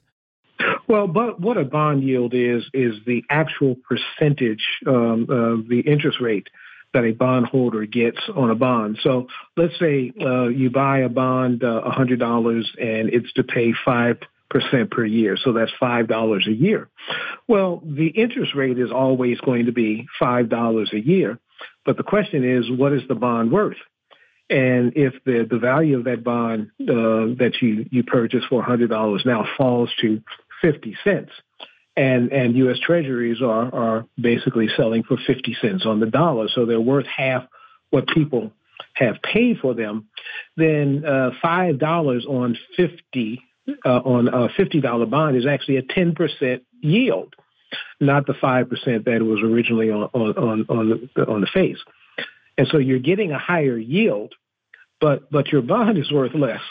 Uh, this was the, the, problem that we had uh, with uh, with the banking, the the, the banks that um, that went insolvent a couple of months ago, is that they had lots of treasury bonds in their asset portfolio, but those treasury bonds were were worth less than they paid for them, so that those bonds were insolvent.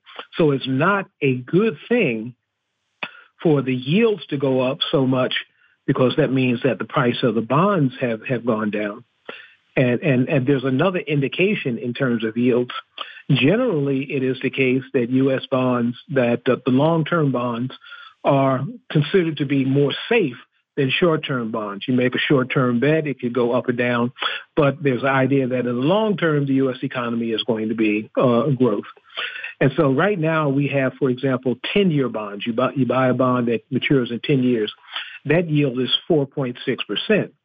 Whereas a two-year bond, the yield is 5.11%. That's an inverse because the short, the, the two-year bond is supposed to have a less, a lower yield than the than the 10-year bond, but we have what is called an inverted yield curve. Uh, when when that happens, that means people are are more um, uh, distressed about the long-term prospects than they are about the short-term prospects. Uh, people are trying to get their money in and out now uh, thinking that in the long term the economy is not going to do good. Uh, that usually uh, has historically been the sign of a recession on the way. Does the fact that China has been liquidating a lot of the U.S. debt that it's holding, does that have an impact, if not on this directly, possibly just on the perception of this? Well, it has a, has an impact on it directly. I mean, when you start when China starts selling its bonds, that means that you have an oversupply of bonds. Uh, the the supply of bonds increasing means the price of bonds go down, which means the yield goes up. And and so yeah, uh, uh, China unloading its bonds uh, because it, it's trying to get out of uh, dependence on the U.S. Um, uh, so much uh, because of the um, the inability of the U.S. to be a good partner and, and also threatening, you know, decoupling and de-risking from China is causing China to want to de-risk also. So it's unloading its bonds, and that's having this effect on the bond market. Well, let me ask you this. Traditionally, and this is a little different, but traditionally, as the economy slows, prices of oil go down.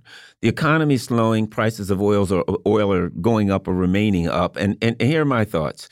The OPEC Plus was angry when the U.S. tried to do that price cap, you know, take control of the oil prices. And so they're going to continue to artificially keep the prices up.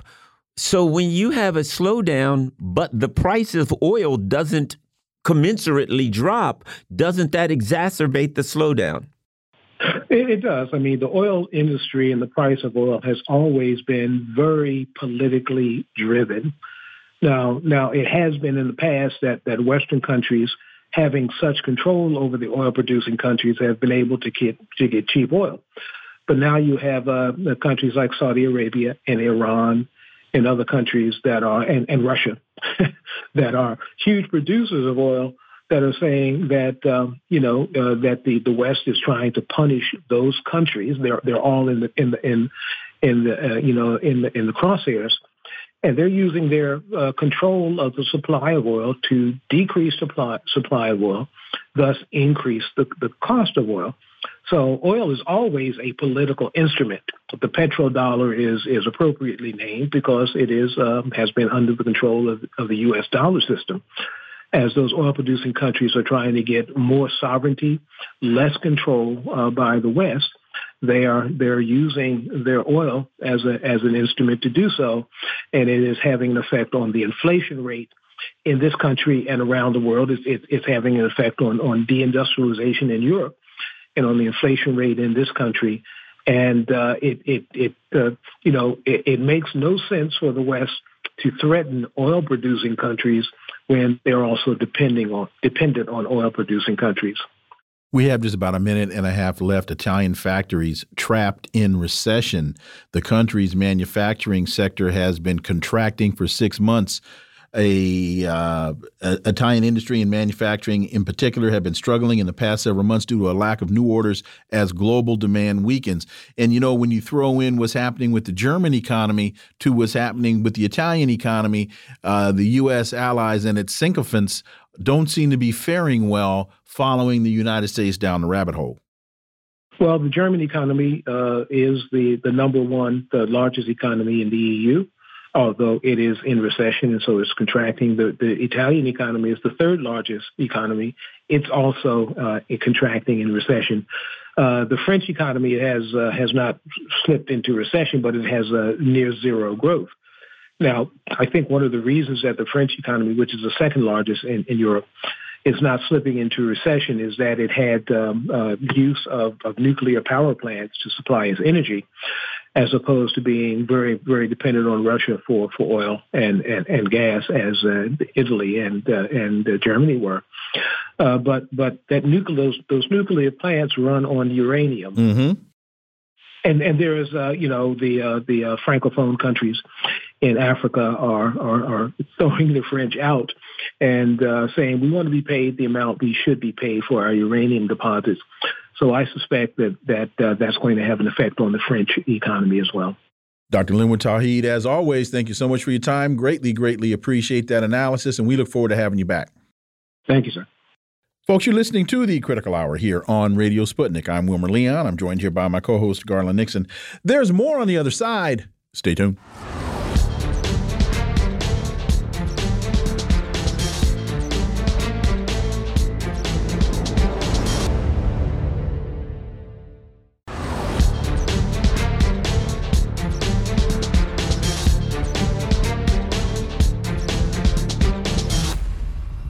We are back, and you're listening to the Critical Hour on Radio Sputnik. I'm Wilmer Leon, joined here by my co host, Garland Nixon. Thank you, Wilmer.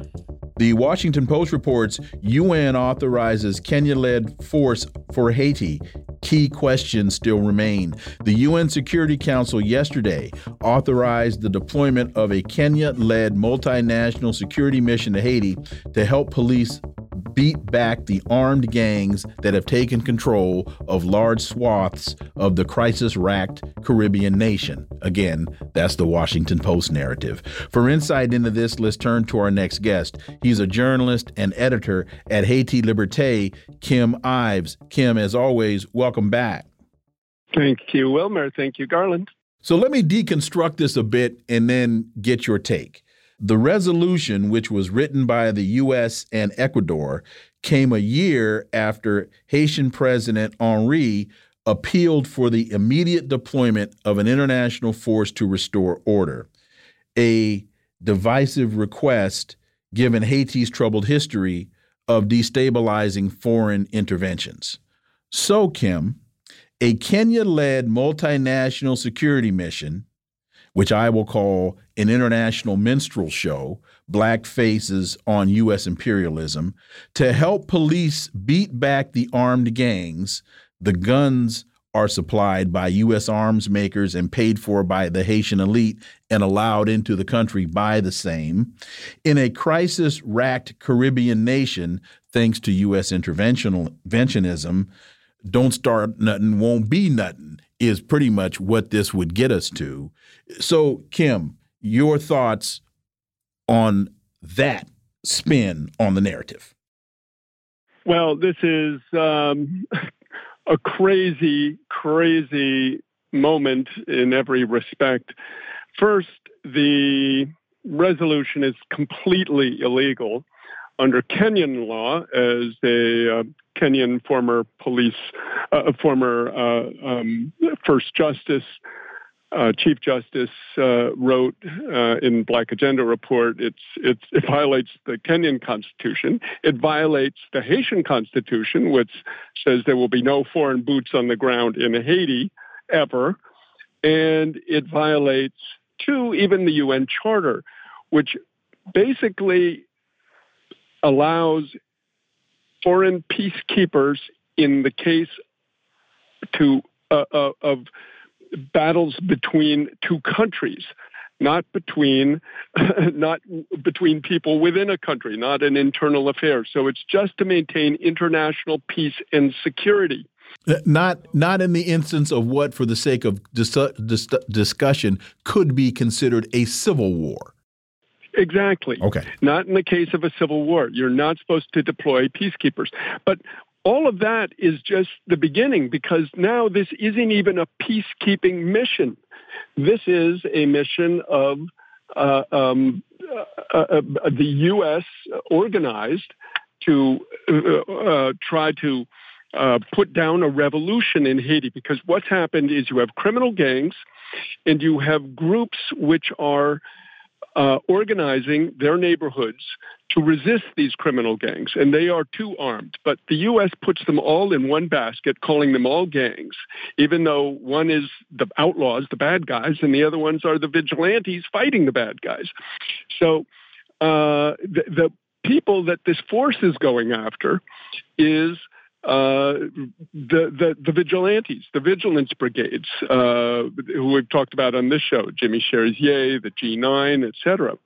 And then to make matters even worse is there's no uh, provision for the uh, peacekeepers uh, to to go outside of the UN Security Council. What they've done is they've taken uh, the Security Council and they've deputized this force, which is a purely U.S. organized. You know, Blinken has been going around the world trying to get this force together, uh, going to Jamaica, going to CARICOM, going to um, uh, Canada, which also refused to head it. Uh, finally, the Kenyans stepped up, and I recently got back at the beginning of September from uh, a trip to Haiti, uh, a shoot, um, and we'll have that report coming out shortly on Redacted. Uh, I went with Dan Cohen, and I spoke to a, a, a guy who worked with CIA and DIA for many years, for decades, and he told me that the Kenyans, in addition to the 400, $400 million that they're shooting for to cover this, and the U.S. has already andied up 100 million of it, so a quarter of it. Uh, they they gave apparently fifty million dollars on the side to the Kenyans. You don't hear any talk about that, but you can kind of guess it when you see Lloyd Austin was there in Nairobi uh, last week, last Monday, uh, signing a five-year peace deal with Kenya. So basically, Kenya is becoming the new Israel, the new Colombia, the new uh, uh um, poodle of Washington, uh, who is uh, going to go help it, uh, as you say, putting the blackface on the U.S. Canadian intervention.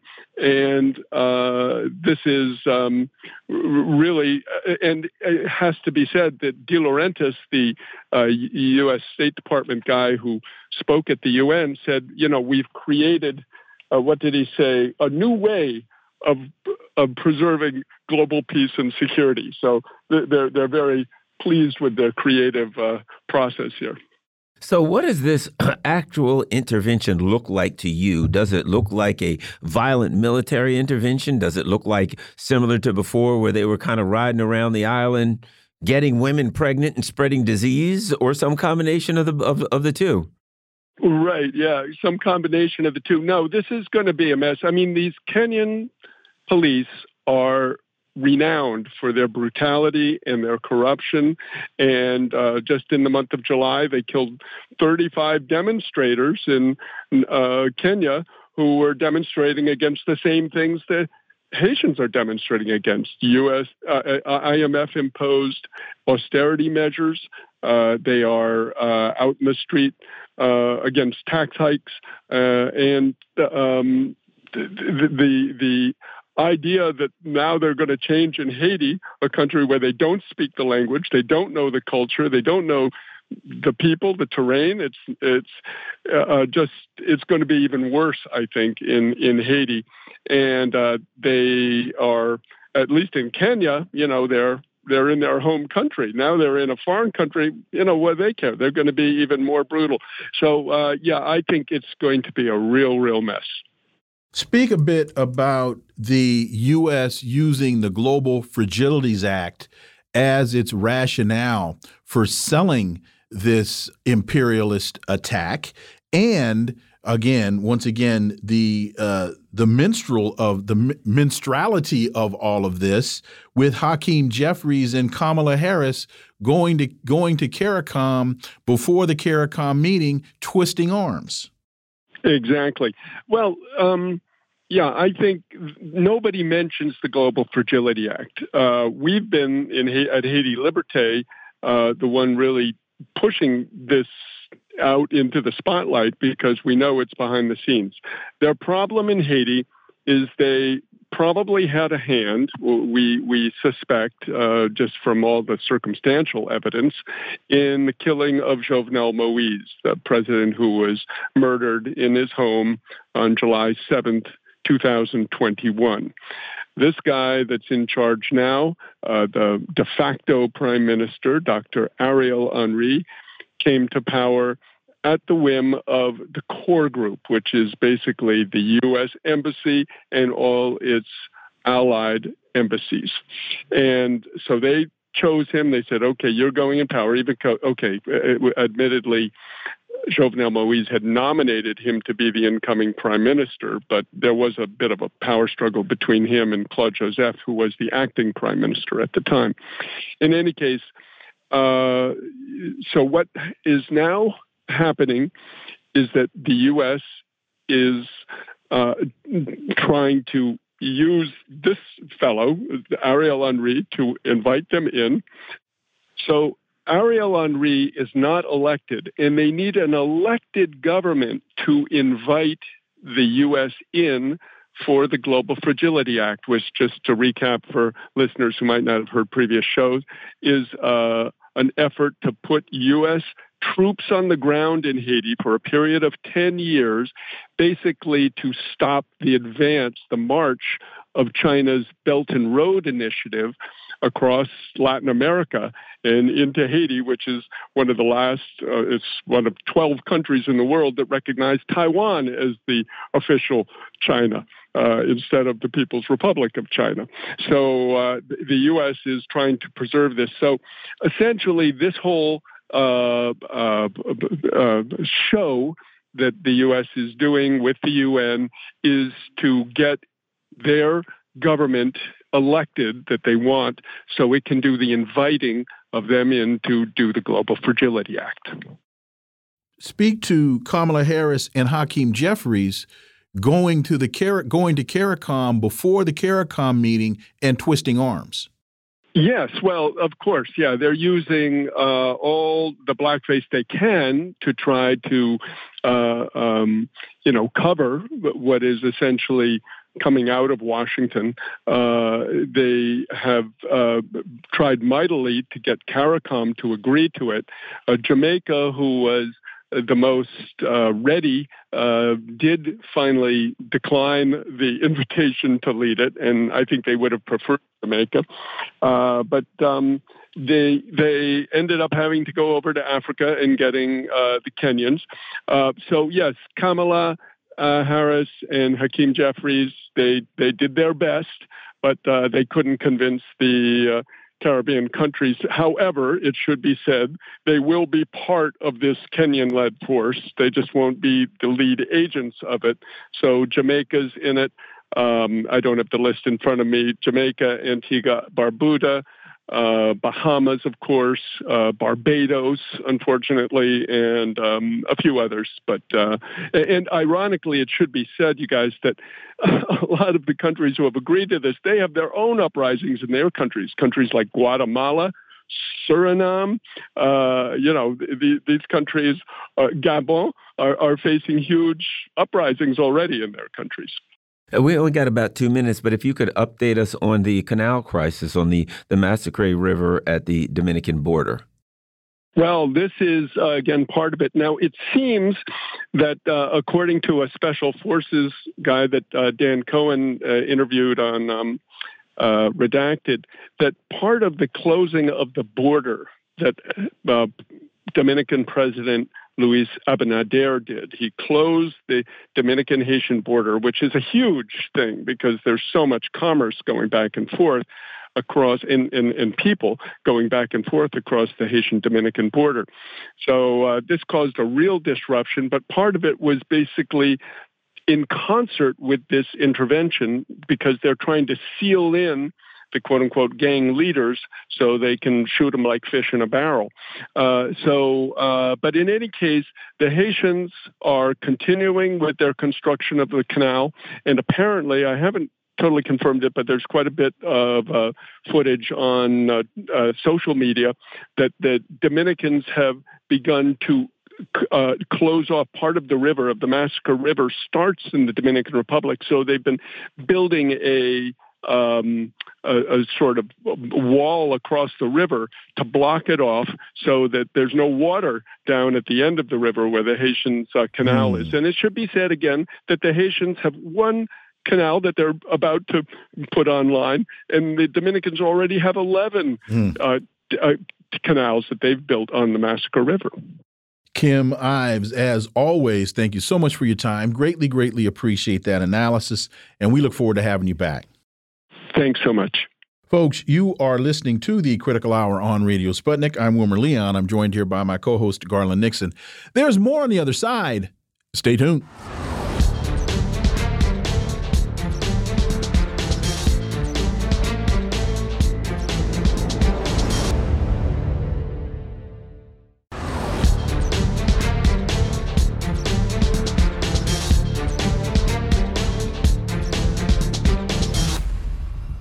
We are back, and you're listening to the Critical Hour on Radio Sputnik. I'm Wilmer Leon, joined here by my co host, Garland Nixon. Thank you, Wilmer. MSN reports Biden faces dilemma. Australian Prime Minister slated to discuss Julian Assange's detention during upcoming U.S. visit. Australia's Prime Minister Anthony Albanese has expressed concern over the prolonged detention of WikiLeaks founder Julian Assange. According to a report from Business Insider, the Assange situation is anticipated to be discussed during Albanese's upcoming four day visit to the U.S. The visit commences on the 25th of October and includes a state dinner hosted by President Biden. For insight into this, let's turn to our next guest. He's the national organizer of Action for Assange, Steve Poikonen. As always, Steve, welcome back. Thank you very much, Wilmer. Great to be here. So, Albanese, the leader of the country's Labor Party, acknowledged having some issues with Assange's actions, but stated that nothing is served by his continued imprisonment. This shift presents a challenging dilemma for Biden to either refuse a key ally's request or risk upsetting the U.S. intelligence community. Steve, I don't see this issue as being all that perplexing. It really comes down to a matter of right and wrong, good and good, good versus evil. Steve Poikonen. Well, uh, unfortunately, we're currently living in the upside down. So, what is right and what is wrong and what is good and what is evil is being presented as the opposite of that. Uh, I've said the whole time that the Biden administration doesn't want Julian Assange on U.S. soil while Joe Biden is president. Mm-hmm. Um, the window on that may be closing, but the the reality is, in the way that it's laid out in the Business Insider piece, is, is accurate. It's either you know don't destroy journalism, don't murder investigative journalism going forward, or risk upsetting the intelligence community. And so, the, inadvertently, probably they explained it correctly because this does come down to uh, not just U.S. intelligence, but Five Eyes uh, and the uh, you know global intelligence apparatus having as much to complete control of the narrative as they as possible. And that's where that's where the whole case rests. Do you want journalism going forward, or do you exclusively want Smith Modernization Act propaganda 24 hours a day through every device that you own? And particularly, not just while Joe Biden is president, but we are, you know, a month away from the the year out um, mark for the election. And this would be a nasty controversy that there are a lot of people, you know, under the Democratic umbrella, as it were, that wouldn't be happy about it. It would put the ACLU, an organization that uh, I've had my issues with in recent years, but they have said they will fight for Assange. At the same time, they tend to be kind of a tool for the Democratic Party. There will be a, no, a number of groups that are traditionally tools for the Democratic Party, particularly particularly during the election, who will be contradicted or put in a difficult position if Assange's feet touch this so these the, the soil here. Steve. Well, absolutely. And the problem with the Julian Assange case is that uh, is the same problem with Julian Assange that they've had from day one. And that is no matter what political party or what specific political actor, they all become exposed as hypocrites. because the uh, Biden administration, or sorry, the Obama administration um, initially brought forth the concept of charging him, balked on it, kicked the can down the road to Trump, who picked it up and ran with it, had him illegally removed from the embassy and thrown into Belmarsh, where he's been for the last four and a half years. And now the ball is back in the court of the guy who was the vice president when this whole operation was thought up in the first place. I don't think anyone wants to touch it because they're all so dirty. So, how strong do you think Albanese will be? What what kind of mandate does he bring from his own country on this issue as he sits it's, before it's Biden? Go ahead. Because Al I was going to say it's hard. To, it's hard to tell because he's sort of a political windsock. The the people that are spearheading this um, are more Peter Whish-Wilson uh, and a couple of other individuals who've been on the ground since day one. I think what Albanese ultimately wants is to not have to spend the rest of his days in his home country where everyone looks at him as the man who gave the free press away to the United States. And so he's making this a very uh, uh, political situation, which is something, again, that the Biden administration has been trying to get away from. No, this has nothing to do with the politics of it. There was a violation of law. Well, that's ridiculous. And they've been inventing ways to get around their own laws uh, every turn in this case. So making it political and making it personal is the only way that Albanese can present it because that's how it's being, that's how it's going to affect him, um, which is, again, going to make for uncomfortable conversation uh, with Biden administration officials who want this to be as uh, apolitical as humanly possible. So I expect, since he'll be here four days, at some point, Albanese and Biden will have to have a joint press conference. And at that point, do you expect a question to come from the press pool about Assange? While, while forcing Biden to answer a question with Albanese standing next to him publicly. Well, I, I, hope we see one. I do. I, I, expect the answer to go along the lines of this is a conversation we're having in private, and I'm not privy to disclose the, the details that do have national security implications. Um, but I would definitely like to see them put on the spot, and, and I do. I do hope it happens. Because if Albanese were a true were a true gangster, he would plant the question with one of his own press people in the press corps and say, Well, thank you for that question. And that would give him the opportunity and the cover to address it but he's probably not a gangster. They're going to show him a picture of Gough Whitlam, uh, the guy that the U.S. Uh, actually overthrew. overthrew. in 1975, who was the prime minister. As soon as he comes in, they'll say, hey, "Look at this nice picture of Gough Whitlam." How's he doing? Just thought you might want to look at Have it. you talked to him for lately? historical context?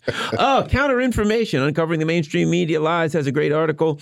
The Nazi Ukrainian Reich of Canada. Freeland is a candidate to the top NATO job. We see that 3.5 percent of the Canada of the Canadians have Ukrainian roots. It appears that the Britons shipped a bunch of Nazis over there, and the descendant of one of them is the deputy prime minister, and not so surprisingly, is uh, in line to possibly run NATO, as did when NATO first started. They had a former Nazi in charge of it. The more things change, the more things stay the same. Uh, Steve. It was a real sunrise, sunset moment for Nazis, isn't it? yeah, I did.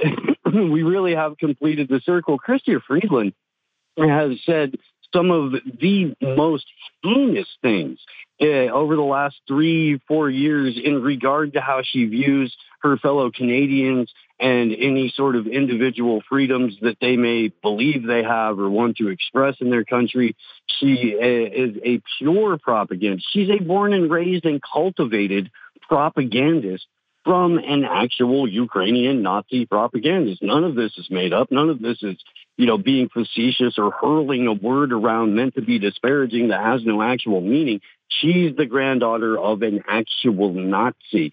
And, and they get, yes, of course they're considering her for NATO because UN Secretary General eh, isn't up for, you know, uh, an appointment this year. Uh, that that's about the only. Uh, that's maybe she could maybe she could be put in charge of NASA. Maybe we could do that too. We could have an exchange program because we've ran out of our own you know Nazis to promote to the head of that organization. The, this is. I'm glad this is happening in regard to the fact that people need a mask off moment. They need to be exposed to who their supposed leaders actually are, regardless of their own marketing. And Chrystia Freeland is a dyed in the wool, born and raised fascist. Well, we don't need uh, people like you spreading propaganda. And thankfully, Orinoco Tribune has a great article. Exclusive. British government funded a plan for international censorship of what did what country what what organization was that you were just talking about? Critiques of NATO. That's right. If you say something bad about NATO or something true about NATO, like maybe Nazis at the forefront, uh, the the British government wants you out of here. Your thoughts on that, uh, Steve? Well, gosh, I hope they don't get a hold of Twitter, Garland, or else they'll start kicking off independent journalists for the exact same thing.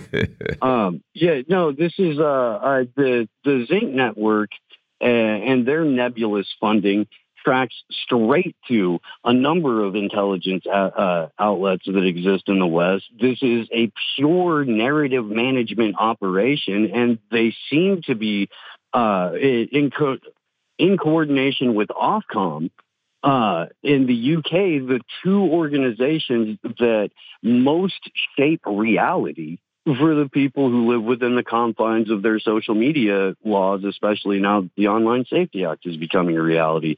This is, I, I, and you hate to use the phrase because it's been worn out, but I mean, it truly is Orwellian in regard to what they're doing where they're telling you that night is day, day is night, that reality only exists as far as we've said it, and that anything in the past is suspect because now is the only thing that you need to hear. And Counter Info has another one. Since we're we're running through them with you today, Steve, a lot of information. You're just the guy to tell us. The media. Now you know this is a complete falsehood and probably Chinese propaganda. The media are targeting the public for a war with China. Your thoughts?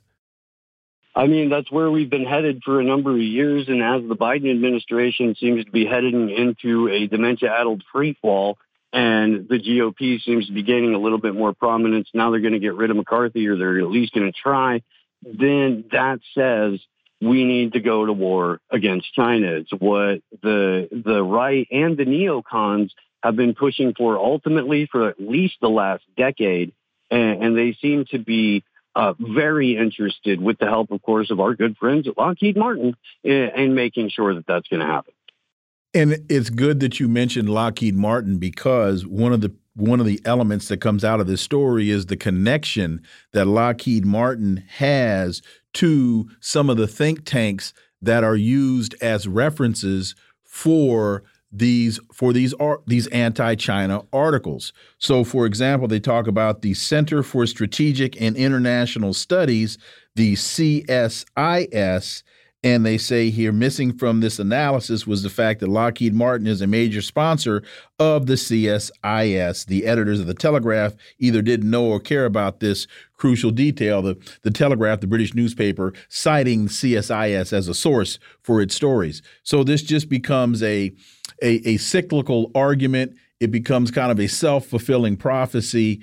They just basically changed the names have been changed to protect the innocent or, or the guilty in this case. in service of of uh, continuing the self perpetuating money laundering machine, and, and they're running out of real estate in Ukraine. They haven't been able to figure out how to drop it down outside of South Sudan yet, and so the people that have been dedicated to the China project want it to go to Taiwan. And it's incredibly, incredibly dangerous and disconcerting when when you know that we're on the verge of such peril and they're taking us to this brink based upon fictions, based upon lies. They're creating their own reality as um, what's his name? Who used to work for George Bush talked about? I can't remember his name. Karl Rove. Karl Rove talked about we we create our own realities, and you merely watch what we do. Twenty seconds, Steve Poikonen. Well, Karl Rove uh, seems to have been a little bit prescient on that one, especially as the the media apparatus becomes on, online more and more like what the traditional legacy media was. Uh, so I'm glad that we're talking about it here. Steve Poikonen, as always, thank you so much for your time. Greatly appreciate that analysis, and we look forward to having you back. Thank you very much, gentlemen. Folks, you've been listening to the Critical Hour here on Radio Sputnik. Thank you for allowing our voices into your space on behalf of myself and my co host, Garland Nixon. We hope you were informed and enlightened, and we look forward to talking with you all right here tomorrow on Radio Sputnik. Be safe. Peace and blessings. We're out.